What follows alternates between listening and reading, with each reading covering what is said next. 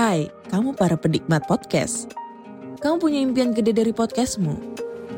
Terus First Story bisa banget bantu kamu. Mulai dari F-Link, Dynamic Audio Insertion, sampai statistik yang komprehensif. Semua ada di First Story. Gak ketinggalan kamu bisa monetisasi podcastmu lewat iklan dari First Story Ads yang bisa kasih kamu penghasilan dari setiap place podcastmu. Yuk gabung sekarang dengan klik di firststory.me. Sekali lagi, klik di firststory.me.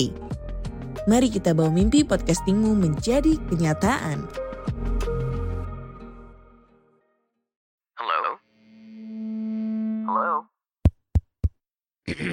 Podcast Network Asia. Lisir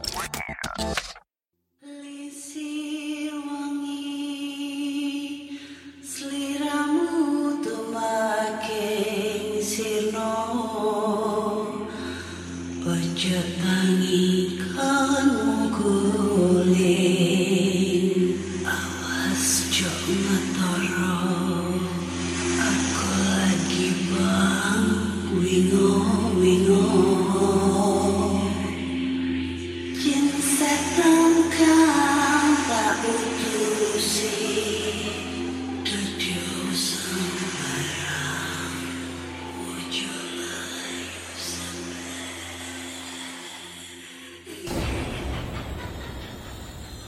Hai Re, iya apa kabar Ketemu lagi dengan aku si Ana di podcast kisah horor.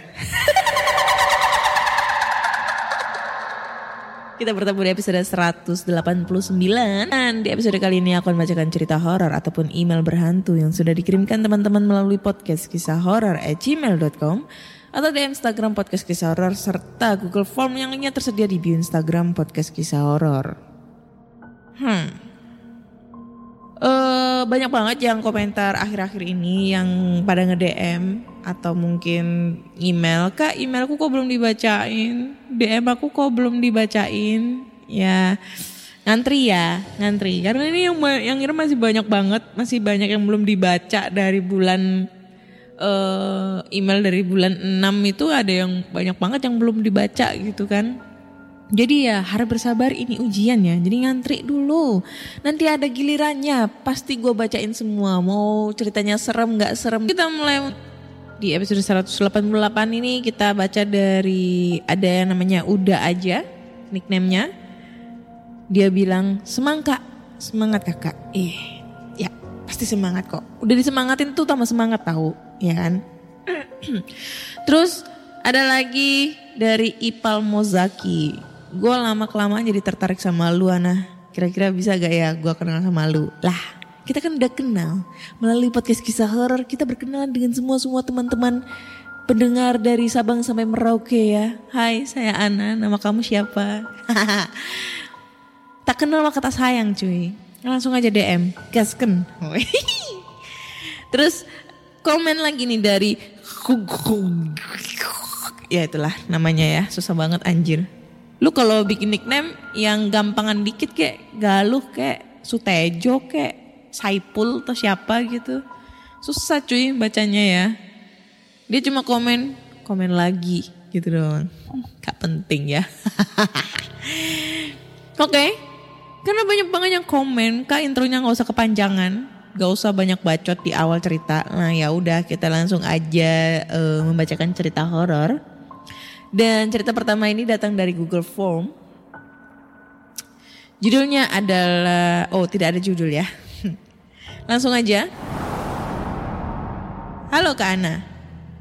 Perkenalkan, nama saya Rivaldo dari Sulawesi Tenggara. Halo, halo, halo Sulawesi Tenggara, jauh banget nih deketnya Sulawesi Selatan, Makassar punya. Baru seminggu ini saya tahu podcast kisah horor. Dan sejak awal mendengarkan podcast kakak, saya jadi tertarik untuk membagikan beberapa cerita horor dari saya kepada Kak Ana. Juga kepada para pendengar eh, podcast kisah horor. Kali ini akan kukisahkan sebuah cerita horor yang dialami langsung oleh tetangga saya yang juga merupakan guru mengaji saya sendiri. Tidak ada yang akan saya lebih-lebihkan, juga tak akan ada yang saya kurangi dari kisah aslinya. Kisah ini terjadi pada sekitar tahun 2018 pada waktu bulan puasa. Bulan yang harusnya memberikan kesan menyenangkan tapi nyatanya diselipkan kisah mistis. Agaknya Tuhan ingin menekankan kembali bahwa dunia lain itu benar adanya. Bermula ketika memasuki pertengahan bulan puasa. Waktu itu seorang ustadz yang memang dari awal sudah dikontrak sebulan penuh untuk mengisi kegiatan-kegiatan ibadah di masjid. Ketika selesai memimpin jalannya sholat rawih, Ustadz tersebut menginformasikan bahwa pada pukul setengah tiga subuh menjelang sahur akan diadakan bimbingan sholat tahajud di masjid. Banyak orang tua yang berminat mengikuti kegiatan tersebut termasuk salah satunya tetangga saya yang juga adalah seorang guru mengaji. Oh iya, lokasi masjid dari rumah tetangga saya berjarak sekitar 200 meter. Jarak yang cukup dekat, namun di sepanjang jalan sangat minim penerangan. Dikarenakan tempat saya tinggal penerang eh tempat saya tinggal tidak seperti kompleks perumahan yang ada di kota-kota melainkan hanya sebuah perkampungan. Ketika memasuki waktu yang sudah ditentukan, tetangga saya pun bergerak menuju masjid dengan berjalan kaki. Melewati deker depan rumah beliau yang juga terkenal angker. Padahal deker itu sendiri adalah tempat pemuda-pemuda di tempatku sering nongkrong di malam hari akan kuceritakan mengenai deker ini di lain kesempatan. Deker itu apaan ya? Pos kamling kali ya? Setelah melewati deker itu, tetangga saya terus berjalan melewati beberapa rumah hingga tiba-tiba merasa seperti ada yang mengikuti. Tetangga saya pun terus berpikir tenang dan menganggap bahwa itu hanyalah sebuah perasaan hingga perasaan itu menjadi sebuah kenyataan ketika mendengar suara tepat di belakangnya. Tetangga saya menoleh ke belakang dan benar dugaan ada seorang anak kecil yang ternyata sedari tadi mengikutinya. Anak kecil yang tidak dikenali oleh tetangga saya itu langsung bertanya, "Ibu saya mana?" Sontak tetangga saya kaget dengan diiringi bacaan doa-doa dalam hati, tetangga saya pun menjawab, "Saya tidak tahu ibumu." Kemudian mempercepat langkahnya meninggalkan anak kecil itu. Setelah merasa jauh, tetangga saya pun menoleh ke belakang.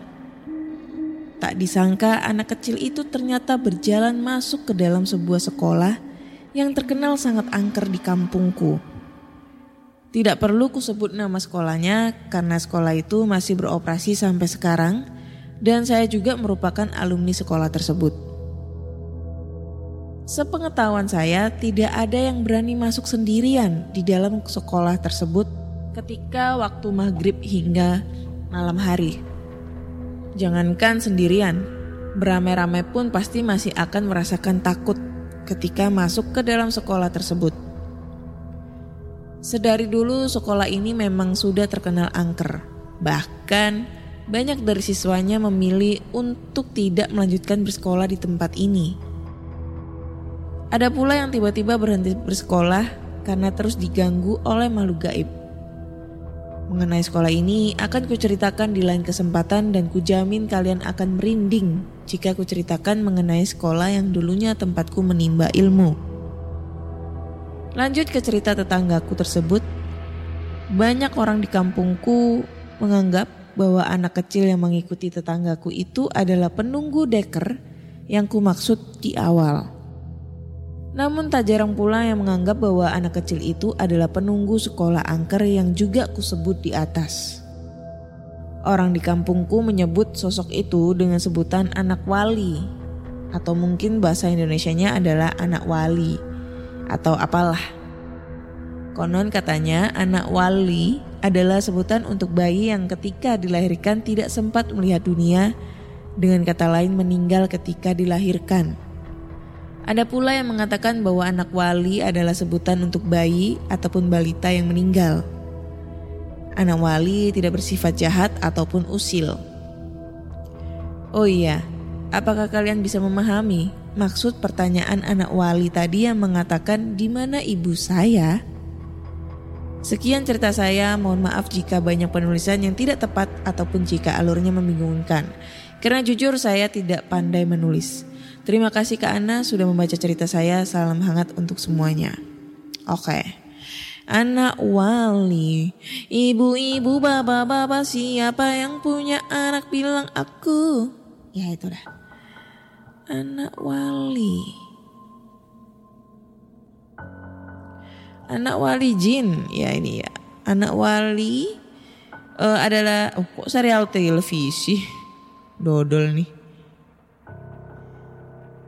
Oh ada ada filmnya ya dari Arab ya. Ya itulah. Kalau misalnya di penjelasannya dia adalah dari Ronaldo itu dia bilang anak wali adalah anak yang belum pernah dilahirkan. Maksudnya sudah meninggal di janin dan belum sempat dilahirkan di, dunia dan tiba-tiba dia mempertanyakan nih si Ronaldo yang dimaksud di mana ibu saya ya pasti itu kurang lebihnya anak ab- aborsi kali ya. Itulah. Pokoknya yang ya kayak gitulah anak aborsi yang ya yang secara sengaja untuk menggugurkan kandungannya. Dan biasanya itu kalau anak wali itu kalau kandungan di perutnya itu udah udah masuki tiga bu tiga minggu. Tiga minggu itu udah udah jadi loh udah bentuk janin loh. Nah kalau misalnya usia tiga minggu itu udah digugurkan janinnya ya itu bisa jadi anak wali.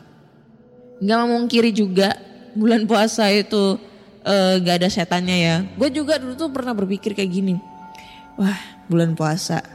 Pasti kalau bulan puasa itu setan pada dikerangkeng sama Allah gitu kan. Di penjara gitu kan. Nggak boleh keluar. Pokoknya pemikiran aku tuh kalau bulan puasa itu bakal nggak bakalan ada setan gitu kan. Eh ternyata salah ya itu seperti yang gue jelasin dari dulu sering banget gue omongin di episode-episode sebelumnya. Yang gue diganggu suara kuntilanak itu juga di bulan puasa cuy. Bayangin bulan puasa ada ketawa kuntilanak diganggu. Yang padahal gue mikirnya kalau di bulan puasa itu setan itu bakal dikerangkeng nggak bakalan ada setan. Makanya acara-acara seperti explore tempat terbengkalai acara-acara hantu itu nggak mereka nggak bikin acara karena memang setannya dikerangkeng. Padahal salah itu malah setan merajalela yang tugasnya menggoda manusia pada saat bulan puasa.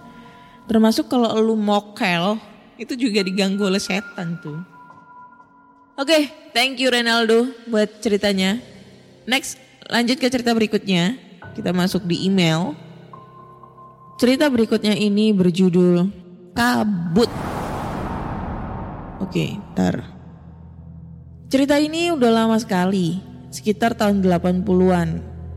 Dulu di desa teman saya ada larangan untuk tidak keluar rumah ketika kabut turun. Selain berbahaya kalau ada binatang liar, juga adanya teror dari makhluk goib.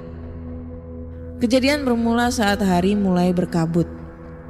Di desa itu ada orang gila yang kerap kali tidur sembarangan. Suatu hari dia tidur di jembatan di jalan lintas daerah. Jalan utama yang biasa dilalui kendaraan besar. Si orang dalam gangguan jiwa ini mungkin merasa nyaman hingga tanpa sadar ada dua cahaya mendekat. Ketebalan kabut membuat sopir truk itu tak bisa melihat objek yang tergeletak di jalan. Apalagi si orang ODGJ itu ya, orang dalam gangguan jiwa ini mengenakan sarung hitam yang warnanya mirip dengan warna jalan. Saat truk melintas, si sopir baru sadar. Anjir, kalau dia telah melindas sesuatu yang tak lazim. Anjay, ngeri. Alih-alih kerasnya jalan, yang dilindas tadi lumayan empuk. Sopir truk segera turun, dilihatnya dari dekat orang itu udah remuk. Sopir pun lantas meninggalkan mayatnya di atas jembatan jalan lintas daerah. Besoknya warga heboh ditemukan orang dalam gangguan jiwa itu remuk di bagian punggungnya. Warga pun berbondong-bondong menangani jenazah hingga proses pemakaman selesai. si pelaku belum tertangkap karena hujan semalam menghapus jejak ban truk tersebut. Malamnya teror pun dimulai. Pak A adalah pemilik warung di dekat jembatan tersebut. Suatu ketika saat sedang membereskan warung, nampak siluet mendekat. Kala itu tiba-tiba kabut pun turun, diawali oleh hawa dingin yang membuat bulu kuduk berdiri. Sosok itu meminta rokok dengan bahasa isyarat. Kemungkinan Pak A sudah familiar dengan kode itu dan tahu siapa penggunanya. Sehingga beliau langsung masuk ke warungnya dan mengambil sebatang rokok. Saat hendak memberikan rokok, Pak A sadar kalau kode itu hanya dipakai orang dalam gangguan jiwa yang baru tewas kemarin. Tiba-tiba terdengar bunyi seperti tulang beradu. Sosok itu pun bergerak melengkung seperti huruf U terbalik dengan posisi kepala sejajar dengan kaki. Sudah, sudah, jangan mengganggu, ujar Pak A kepada sosok itu. Karena korbannya tidak takut, sosok itu malah berlari menjauh dengan tubuh bagian atas terkatung-katung ke bawah. Masih dengan Pak A, suatu malam berkabut, rumah Pak A diketuk dari luar Pak A yang, yang belum tidur mengintip dari jendela. Di sana berdiri pria memakai topi dan jaket. Pak A segera membuka pintu. Ada perlu apa ya? Tanya Pak A. Ih, ini Pak. Saya tadi habis menabrak orang di jembatan. Ujar pria itu gugup. Oh, sini masuk dulu. Pak A mempersilahkan tamunya masuk. Setelah duduk, Pak A segera menutup pintu dan mempersilahkan pria itu berlanjut bercerita. Jadi tadi saya lewat sana pak, terus tiba-tiba ada orang meloncat ke tengah jalan. Karena terlalu dekat saya nggak sempat mengerem, jadi saya lindas. Anehnya pas saya balik saya tidak menjumpai orang itu. Karena panik saya langsung ke sini. Adik tadi lihat ciri-cirinya? Tanya Pak A. Gak terlalu jelas sih Pak, tapi dia memakai seperti war sarung warna hitam, balas pria itu. Lalu Pak A menjelaskan tentang kejadian si orang gangguan dalam jiwa yang terlindas truk dan ciri-cirinya persis dengan yang pria itu katakan, sarung hitam. Teror yang berlangsung di jembatan itu membuat warga resah. Namun mereka berpikir selama nggak ke jembatan maka nggak bakal diganggu. Ternyata itu salah. Suatu ketika, salah seorang anak bernama F hendak mengaji. Saat itu kabut tebal sudah turun sampai ke kampung. Tiba-tiba di depan F berdiri sosok pria bersarung hitam. F yang masih kecil itu merasa terancam dan berlari kembali ke rumah. Tidak, belum selesai. Sosok itu dengan tubuh bagian atas menggantung seperti tidak punya tulang punggung mengejar F. Kembalikan sarungku, kembalikan. Ujarnya sambil berlari dengan kencang. Besoknya kabar itu tersebar. Si F yang berhasil lolos terserang demam. Tak cuma F, Peronda pun jadi korban. Kepala desa pun merasa resah. Ini memang bukan pertama kali beliau menghadapi teror seperti ini semasa hidupnya. Dikumpulkan semua korban dan ditanyai mendetail sampai pakaian yang mereka kenakan. Semua bukti merujuk ke sarung yang identik berwarna gelap. Saat rapat berlangsung, salah seorang warga pun datang dan mengaku sebagai salah satu yang mengurusi jenazah orang gila itu.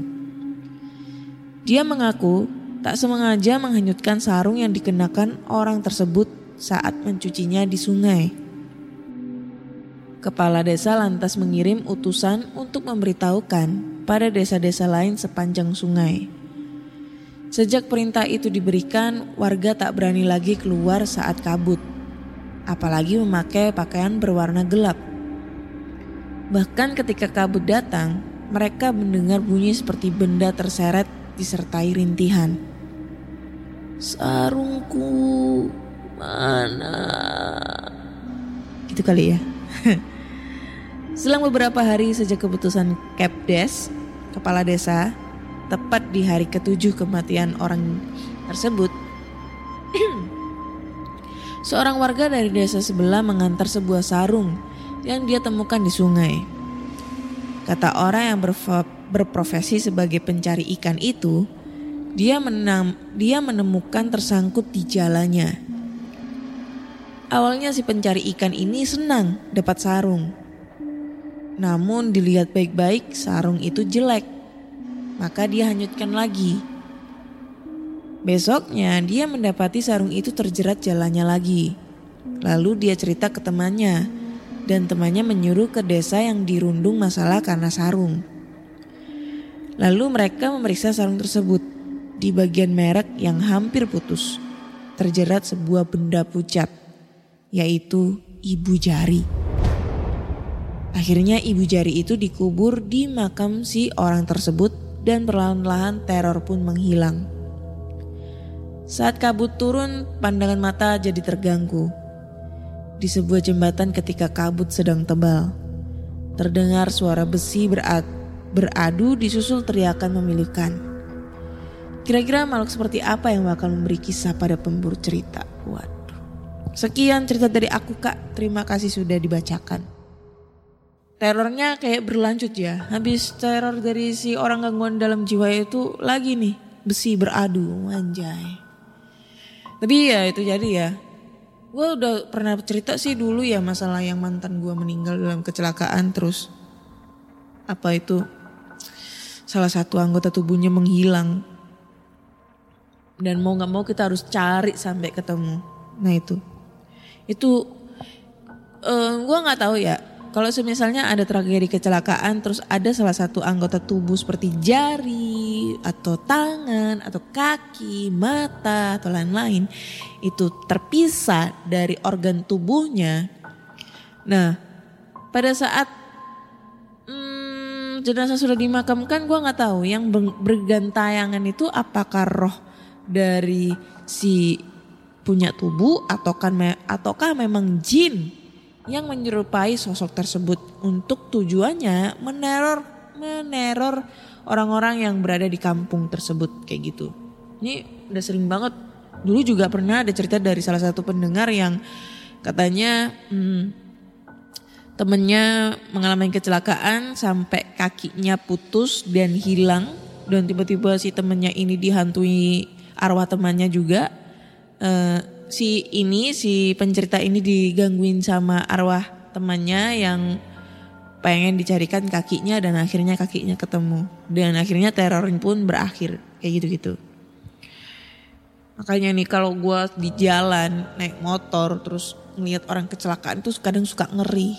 Kayak tadi uh, eh kemarin di Surabaya di dekat rumah nih ada motor yang kelindes truk deket rumah. Terus tadi pagi di daerah Mastrip itu ya ada lagi Gojek uh, apa ya ojek online yang nganter penumpang kelindes truk juga.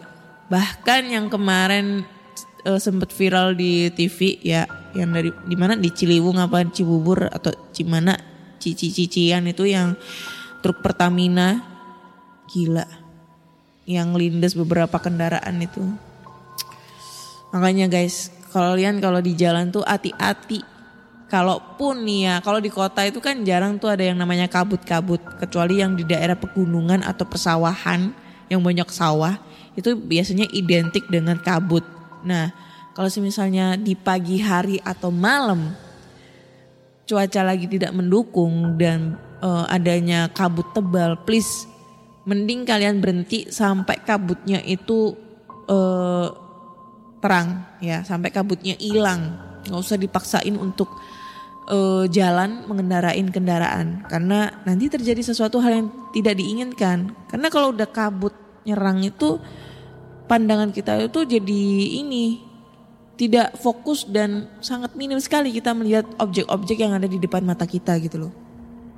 Ya biar tidak terjadi hal-hal yang tidak diinginkan kayak gitu-gitu. Oke, next lanjut ke cerita berikutnya. Oke, cerita terakhir ini datang dari siapa nih ya? Nggak ada namanya tuh. Ya, judulnya adalah misteri, misteri, misteri, teri, rumah buyut. Dulu Waktu masih kecil, saya kerap main ke rumah Mbah Kakung dan Buyut, ortu dari kakek. Tiap ke sana saya selalu menjelajah rumah desain zaman dulu itu.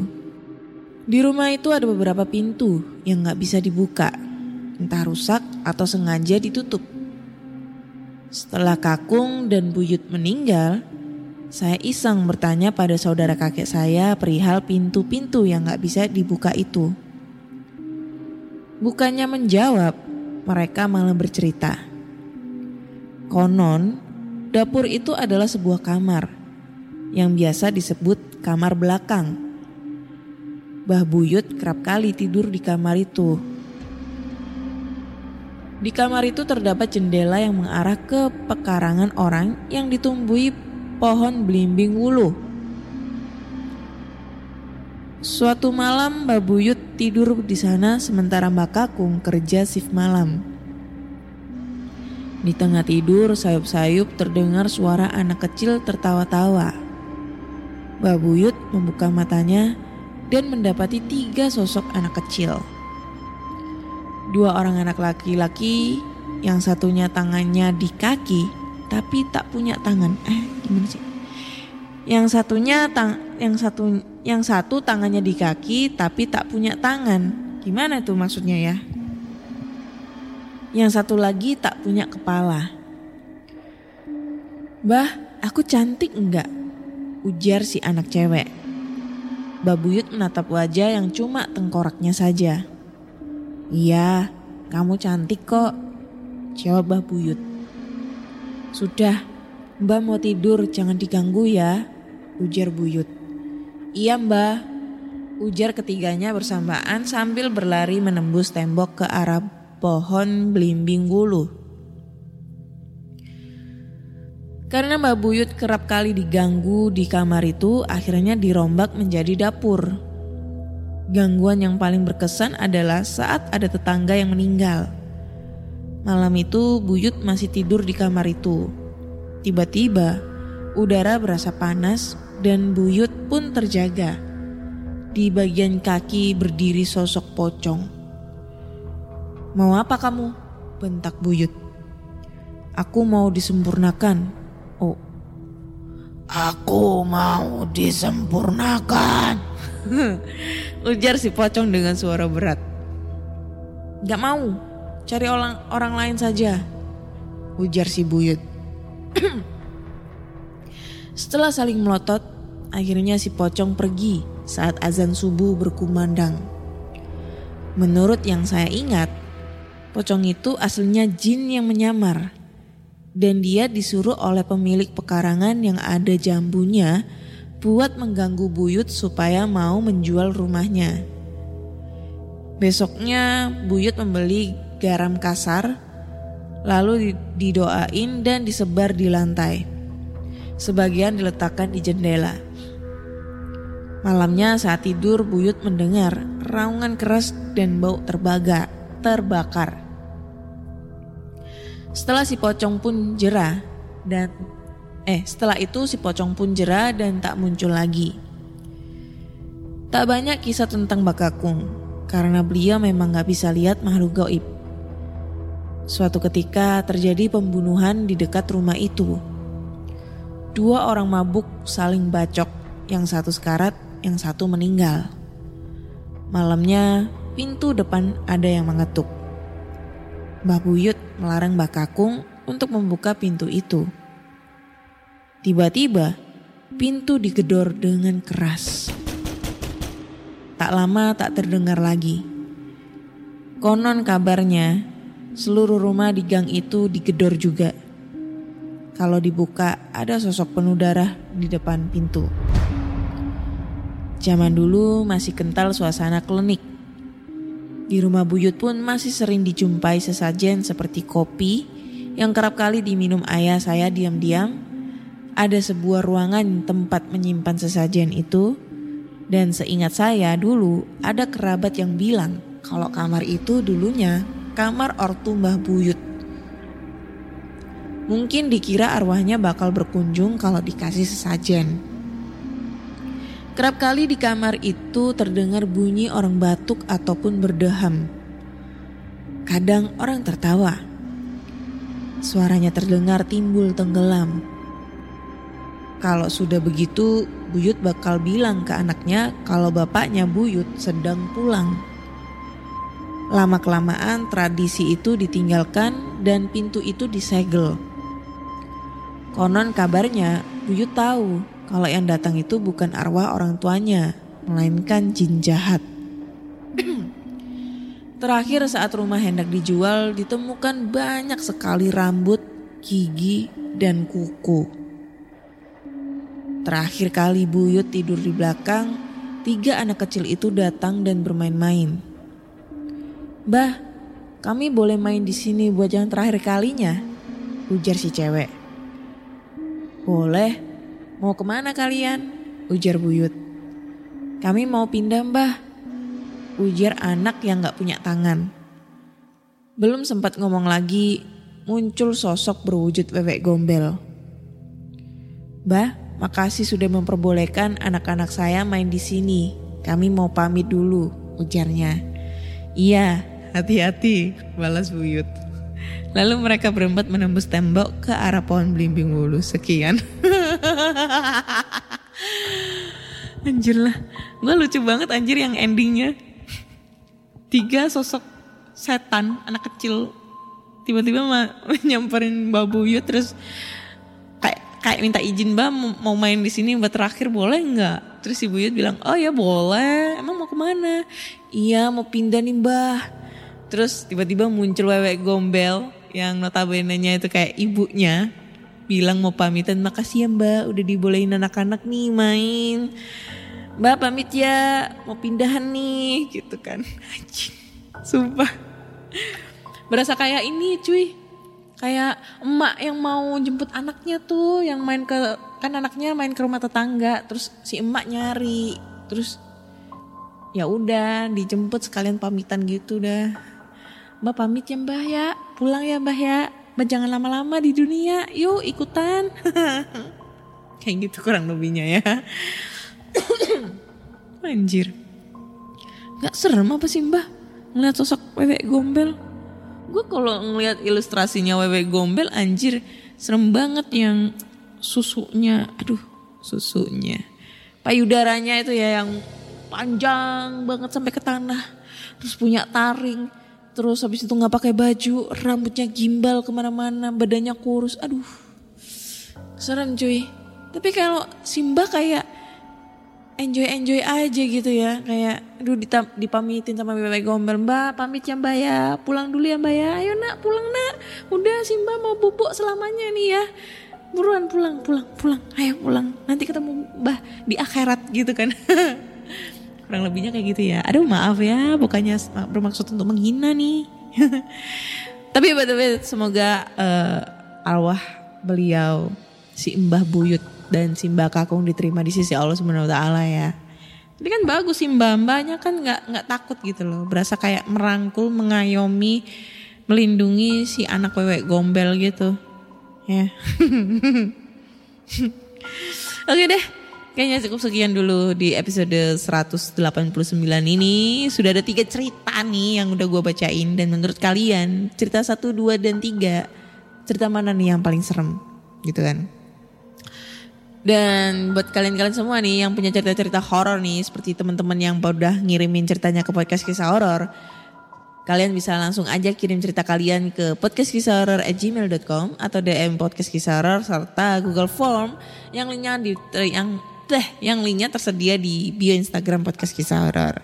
Jangan lupa nih dengerin podcast kisah horor di Spotify, Google Podcast, Apple Podcast serta di Noise karena di uh, Noise kalian sudah bisa dengerin podcast kisah horor. Jangan lupa juga kasih bintang 5 untuk podcast kisah horor di Spotify. Karena sekarang kalian udah bisa ngasih rating nih buat podcaster kesayangan kalian. Dan jangan lupa tinggalin komentar kalian terlucu, termenarik, terzi, terhina, terapapun itu di noise di setiap episodenya. Karena nanti gue bakal ngebacain komentar-komentar kalian di saat episode terbaru tayang. So, saya Ana undur diri. Terima kasih sudah mendengarkan podcast kisah horor dan bye-bye.